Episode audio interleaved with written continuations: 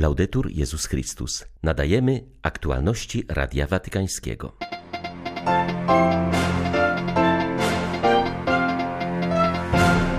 Dzięki dialogowi z Kościołem prawosławnym lepiej rozumiemy, że prymat i synodalność się nie wykluczają, lecz razem służą komunii, powiedział papież do katolicko-prawosławnej grupy roboczej. Jak wyleczyć Europę?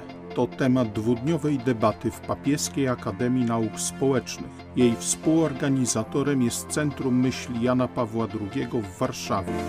Dziś kulminacja dorocznego spotkania wspólnoty świętego Idziego na rzecz pokoju. Obok papieża obecni są m.in. patriarcha Bartłomiej oraz kanclerz Niemiec Angela Merkel. 7 października witają Państwa ksiądz Krzysztof Ołdakowski i Łukasz Sośniak. Zapraszamy na serwis informacyjny.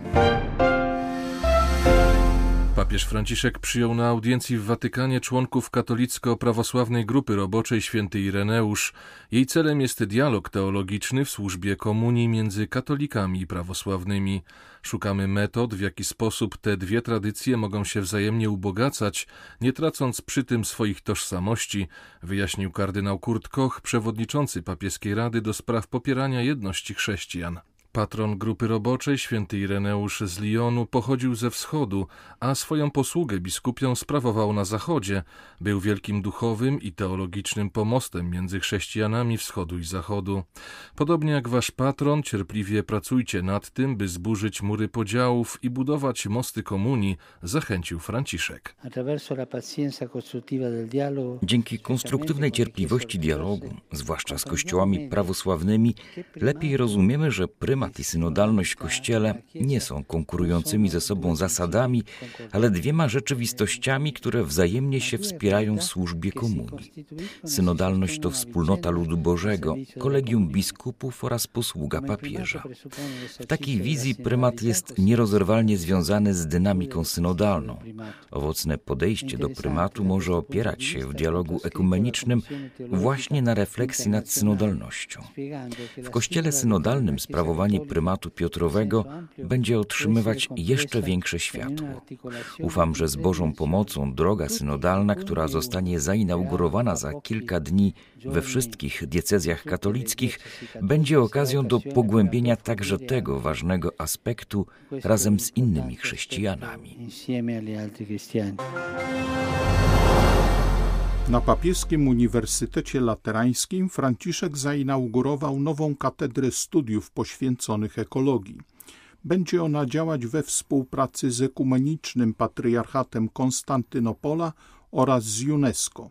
Ojciec Święty podkreślił, że nasz wspólny dom woła o to, by go chronić i leczyć, i jest to zadanie, które spoczywa zarówno na wierzących, jak i niewierzących. Ojciec Święty przypomniał o wspólnych wysiłkach podejmowanych przez kościoły i instytucje naukowe na rzecz ochrony środowiska. Kryzys ekologiczny wymaga odpowiedzialności, konkretności i kompetencji, mówił papież, podkreślając, że w przeciwnym wypadku dzieci, które właśnie teraz przychodzą na świat, będą żyły w świecie nie nadającym się do zamieszkania. Idea specjalnego cyklu studiów służy transformacji także wśród wierzących zwykłego zainteresowania środowiskiem w misję realizowaną przez osoby uformowane, będące wynikiem odpowiedniego doświadczenia edukacyjnego. Jest to największa odpowiedzialność wobec tych, którzy z powodu degradacji środowiska są wykluczeni, opuszczeni i zapomniani. Jest to dzieło, do którego kościoły i wszyscy ludzie dobrej woli są wezwani, by wnieść swój niezbędny wkład, stając się głosem tych, którzy głosu nie mają, głosem, który wznosi się ponad partykularne interesy i nie pozostaje jedynie narzekaniem. W Rzymie trwa doroczne spotkanie na rzecz pokoju organizowane przez Ekumeniczną Wspólnotę Świętego Idziego. Jego kulminacją będzie wieczorna modlitwa w intencji pokoju światowego, która odbędzie się przy Koloseum. Weźmie w niej udział papież Franciszek, patriarcha Bartłomiej oraz ustępująca kanclerz Niemiec Angela Merkel, która złożyła dziś pożegnalną wizytę w Watykanie. W spotkaniu uczestniczą przedstawiciele 40 krajów, którzy podejmują refleksję nad tym, jak wspólnie zbudować lepszy popandemiczny świat. Hasłem dwudniowego spotkania, które zakończy papieskie orędzie na rzecz pokoju, są słowa Narody bracia, ziemia przyszłości. Uczestniczący w spotkaniu ekumeniczny patriarcha Bartłomiej przypomniał, że wcześniejszy świat, który pamiętamy sprzed pandemii, już nie istnieje i to w naszych rękach spoczywa możliwość zbudowania budowania dla wszystkich nowego początku. Z kolei prymas wspólnoty anglikańskiej podkreślił, że trwający kryzys sanitarny nieodwołalnie obalił bożki naszych czasów, takie jak zdrowie, nauka i dobrobyt, czy jakiekolwiek inne przekonanie o własnej samowystarczalności i wszechmocy. Mimo wszystko jesteśmy błogosławionym pokoleniem, ponieważ wciąż mamy możliwość zbudowania bardziej sprawiedliwego świata, wskazał arcybiskup Welby. W Watykanie rozpoczęło się spotkanie przywódców politycznych i religijnych oraz ekspertów zorganizowane przed szczytem G20. Współorganizatorem konferencji Papieskiej Akademii Nauk Społecznych jest Centrum Myśli Jana Pawła II w Warszawie. Spotkanie ma na celu wypracowanie skutecznych rozwiązań w walce z globalnymi kryzysami zdrowotnym, ekologicznym i ekonomicznym. Rekomendacje wypracowane podczas watykańskiej konferencji zostaną przekazane uczestnikom szczytu państw G20, który odbędzie się za trzy tygodnie w Rzymie. Mamy nadzieję, że uczestnicy dyskusji wypracują plan działań, które należy podjąć w związku z wyzwaniami stojącymi przed Europą, mówi Michał Senk, dyrektor Centrum Myśli Jana Pawła II. Na przestrzeni kilku ostatnich lat temat ochrony środowiska stał się ważną kwestią społeczną, która porusza opinię publiczną. Działania proekologiczne wciąż jednak kojarzone są bardziej z określonym światopoglądem czy opcją polityczną. Nie zauważamy, że wypływają one z natury człowieka, z imperatywu, jakim jest budowanie odpowiedzialnej i zrównoważonej przyszłości. Od roku organizujemy debaty dotyczące ekologii, poprzez które chcemy nawiązywać do myśli bliskiej Janowi Pawłowi II, a w zasadzie jego apelu, by być i wzrastać, a nie jedynie posiadać i używać. Mądre, racjonalne korzystanie z zasobów Ziemi, nie tylko w kontekście przyrody, ale również wspólnoty ludzkiej, dotyczy nas wszystkich, bez wyjątku. Interesuje nas także, jakie działania należy podjąć w związku z wyzwaniem stojącym przed Europą. A tym wyzwaniem jest budowa i kształt Europejskiego Ładu Ekologicznego. Tomasz Sobania pochodzi z Gliwic.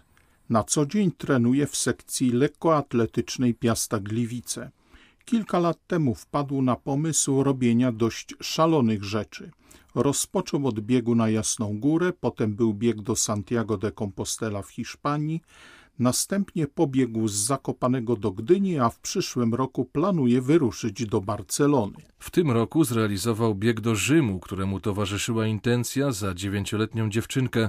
Przeszła ona niedawno operację usunięcia guza mózgu.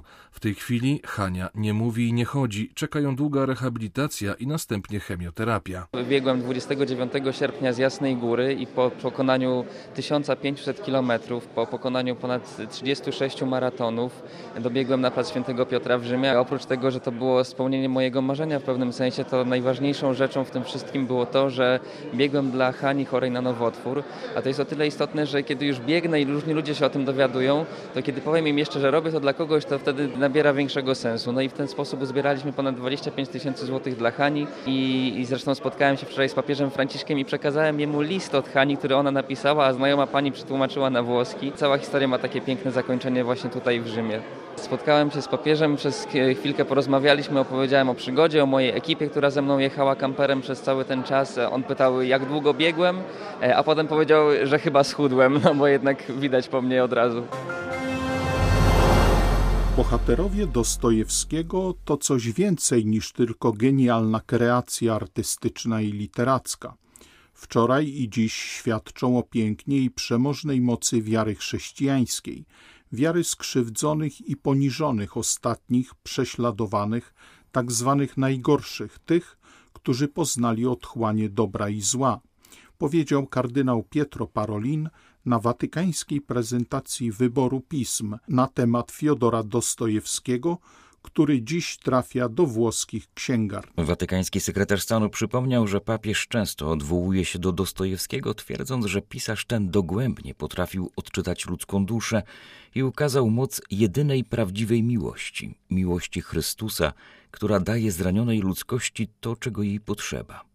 W watykańskiej prezentacji włoskiego wydania książki Sołowiewa o Dostojewskim brał również udział przedstawiciel patriarchatu moskiewskiego, metropolita Hilarion. Podkreślił on wyjątkowy charakter Dostojewskiego na tle literatury rosyjskiej. Inni pisarze zajmowali się zazwyczaj wyższymi sferami społeczeństwa. Dostojewski interesował się tymi, którzy znajdowali się na samym dnie społecznej hierarchii. Zgłębił istotę ludu, a zarazem osobę Chrystusa i życie Kościoła.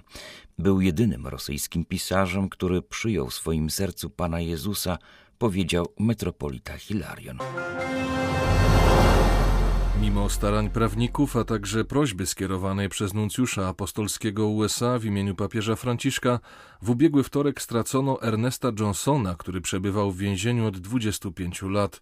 Egzekucję wykonano poprzez wstrzyknięcie zastrzyku z trucizną. 61-latek w 1994 roku dopuścił się zabójstwa trzech osób. W więzieniu stanowym przebywał od ponad ćwierćwiecza. Arcybiskup Christoph Pierre, nuncjusz apostolski w USA, przesłał do gubernatora Mike'a Parsona pismo z prośbą o odstąpienie od wykonania wyroku z racji świętości ludzkiego życia. W imieniu papieża Franciszka proszę o niewykonywanie zaplanowanej egzekucji i udzielenie skazanemu łaski, pisał hierarcha. W ciągu zaledwie jednego dnia, 3 października, Członkowie radykalnych grup hinduistycznych dopuścili się w Indiach co najmniej 13 aktów przemocy wobec chrześcijan w kilku stanach, w tym w stolicy kraju. Jak podała Komisja Wolności Religijnej Ewangelicznej Wspólnoty Indii, liczne wspólnoty chrześcijańskie ucierpiały, gdy rozwścieczone tłumy, liczące po kilkuset ekstremistów, atakowały wiernych zebranych na modlitwie i dokonały zniszczeń pomieszczeń wielu zgromadzeń. Fanatycy użyli przemocy przemocy fizycznej oraz psychicznej. W kilku wioskach wezwali policję, która aresztowała pastorów z powodu podejrzeń o przymusowe nawracanie na chrześcijaństwo. Jednoznacznie potępiamy godne ubolewania ataki na kościoły i chrześcijan. Członkowie indyjskiej grupy ekstremistycznej odpowiedzialni za te przestępcze działania muszą zostać natychmiast postawieni przed sądem i otrzymać odpowiednią karę, by przestali angażować się w brutalne i niezgodne z konstytucją działania, powiedział ojciec Cedryk Henryk Prakasz, obrońca praw człowieka i wolności religijnej. Kościół we Francji, zlecając sporządzenie niezależnego raportu, podjął pierwsze niezbędne kroki w walce z plagą nadużyć seksualnych. Wszyscy musimy stosować się do dyrektywy papieża Franciszka. W kapłaństwie nie ma miejsca dla tych, którzy wykorzystują nieletnich lub bezbronnych dorosłych czytamy w oświadczeniu przewodniczącego papieskiej komisji do spraw ochrony nieletnich. Kardynał O'Malley podkreślił, że nie można pozwolić, by choć jedna osoba, która została skrzywdzona, pozostała niezauważona i by ktokolwiek był narażony na wykorzystywanie przez członków Kościoła. Przyznaje on, że raport wykazuje błędy zwierzchników Kościoła i osób odpowiedzialnych za ochronę wiernych. Ta historia niekontrolowanego szerzenia się nadużyć przez całe pokolenia stanowi dla nas wyzwanie, abyśmy zrozumieli, jak doszło do tego, że niewinni ludzie mogli tak okrutnie cierpieć, a ich głos tak długo był ignorowany, pisze kardynał O'Malley. W imieniu papieskiej komisji amerykański kardynał wyraził ubolewanie i poprosił o przebaczenie wszystkich pokrzywdzonych. Pozytywnie ocenił on działania i plany Kościoła we Francji. Pokazują one bowiem, jak okrutna obojętność, której doświadczyły ofiary, może zostać przekształcona w troskę i ochronę. Były to aktualności Radia Watykańskiego. Laudetur Jezus Chrystus.